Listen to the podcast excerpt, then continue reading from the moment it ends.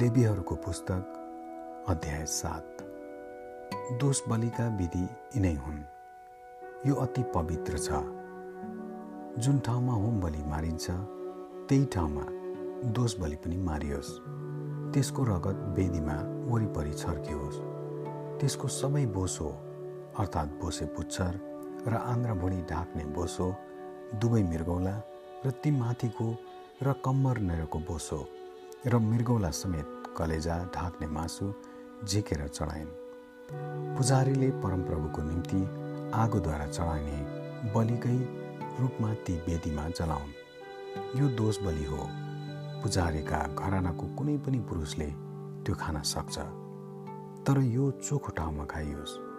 यो अति पवित्र छ। पाप बलि जस्तो हो दोष बलि पनि त्यस्तै हो। तिनका निम्ति एउटै व्यवस्था छ। जुन पुजारीले त्यो चढाएर प्राश्चित गर्छन् त्यो तिनैको होस्। जुन पुजारीले कुनै मानिसले ल्याएको होम बलि चढाउँछन् त्यस होम बलिको छाला तिनै पुजारीको होस्। चुलोमा पकाइएका र ताई तापके र ताउमा बनाइएका सबै अन्न बलि ती चढाउने पुजारीका हुन्। अनि तेलमा मुछेका वा फुका सबै अन्न बलि हारुनका सबै छोराहरूले बराबर गरी पाउन्। परमप्रभुको निम्ति चढाइने मेल बलिका विधि यिनै हुन्। यदि त्यो धन्यवाद दिनका निम्ति कसैले चढायो भने त्यसले धन्यवाद बलिसित तेलमा मुछेको खमिर नहालेको फुलौरा तेल दलेको खमिर नहालेको बाबर र तेलमा भिजाएको मसिनो पिठोको फुलौरा चढाओस्। त्यसले आफ्नो धन्यवादको मेल बलिसित खमिर हालेको रोटी पनि चढाओस्। तीबाट एउटा एउटा गरी परमप्रभुको निम्ति बलिको लागि त्यसले चढाओस्। मेल बलिको रगत जुन पुजारीले छर्कन्छन् त्यो त्यहीँको होस्। धन्यवादका मेल बलिको मासु त्यो चढाएकै दिनमा खाइयोस्। बिहानसम्म त्यसले केही नराखोस्। तर चढाइने बलिदान भाकलको अथवा राजी खुसीको बलिदान भए त्यसले बलिदान चढाएकै दिन त्यो खाओस्। र बाँकी रहेको चाहिँ भोलिपल्ट खाइयोस्। पर्सिपल्टसम्म बाँकी रहेको बलिदानको मासु चाहिँ आगोमा जलाइयोस्। मेल बलिको मासुबाट पर्सिपल्ट कसैले खायो भने त्यो मासु ग्रहणयोगी हुने छैन। न त त्यो चढाउनको निम्ति चढाइएको गनिनेछ तर त्यो अशुद्ध ठहरिनेछ र त्यो खाने व्यक्ति आफू दोषी बन्नेछ। कुनै अशुद्ध कुराले छोएको मासु नखानु। त्यो आगोमा जलाइयोस्। अरू मासु चाहिँ जतिजना शुद्ध छन् तिनीहरूले त्यो खान सक्छन्। तर आफू अशुद्ध भएर परमप्रभुका मेलबलुको मासु कसैले खायो भने त्यसलाई त्यसका मानिसहरूबाट बहिष्कार गरियोस्।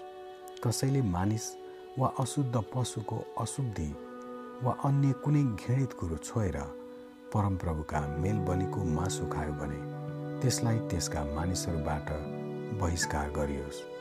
फेरि परमप्रभुले मोसालाई भन्नुभयो इजरायलीहरूलाई भन् तिमीहरूले साँडेकी भेडा वा बोकाको बोसो केही नखानु।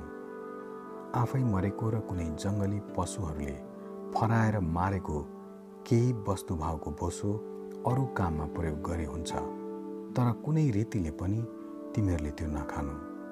परमप्रभुको निम्ति आगोद्वारा चढाइने बलिको पशुको बोसो जुन मानिसले खाला त्यसलाई त्यसका मानिसहरूबाट बहिष्कार गरियोस्। तिमीहरूले बसोबास गर्ने कुनै पनि ठाउँमा कुनै पक्षी वा पशुको रगत नखानु। रगत खाने जोसुकै भए पनि त्यसलाई त्यसका मानिसहरूबाट बहिष्कार गर्नु। परमप्रभुले मोसालाई भन्नुभयो इजरायलीहरूलाई भन् परमप्रभुको निम्ति मेल बलि चढाउनेले मेल बलिको एक भाग बलिदानको रूपमा परमप्रभु कहाँ ल्याओस् त्यसले परमप्रभुको निम्ति आगोद्वारा चढाउने बलि आफ्नो हात ल्याओस्। त्यसले बोसो ह्याकुलो समेत ल्याओस् र ह्याकुलो परमेश्वरको सामु डोलाइने बलिको निम्ति चढाओस्। पुजारीले बोसो चाहिँ वेदीमा जलाउन् र ह्याकुलो चाहिँ हारुन र तिनका छोराहरूको हुनेछ। दाहिने फिला चाहिँ तिमीहरूले आफ्नो मेलबलीबाट वेदीको रूपमा पुजारीहरूलाई दिनु। हारुनका छोराहरूमध्ये जसले मेलबलीको रगत र बोसो चढाउँछ दाहिने पिला त्यसको भाग हुनेछ। किनकि इजरायलीहरूका मेलबलीबाट डोलाएको ह्याकुलो र उठाएको फिला मैले तिमीहरूबाट लिएर हारुन पुजारी र तिनका छोराहरूलाई इजरायलीहरूका तर्फबाट सदाको विधि स्वरूप दिएको छु। हारुन र तिनका छोराहरू जुन दिन पुजारी पदमा परमप्रभुका सेवाको निम्ति हाजिर गरिएका थिए त्यसै दिन परमप्रभुको निम्ति आगोद्वारा चढाइएका बलिहरूबाट यो तिनीहरूको भाग ठहराइएको हो। जुन दिन उहाँले तिनीहरूलाई अभिषेक गर्नुभयो त्यही दिन तिनीहरूका निम्ति इजरायलीहरूबाट यो भाग तिनीहरूले पाउने परमप्रभुको आज्ञा तिनीहरूका पुस्तौँ पुस्ताका निम्ति यो सदाको भाग हुनेछ।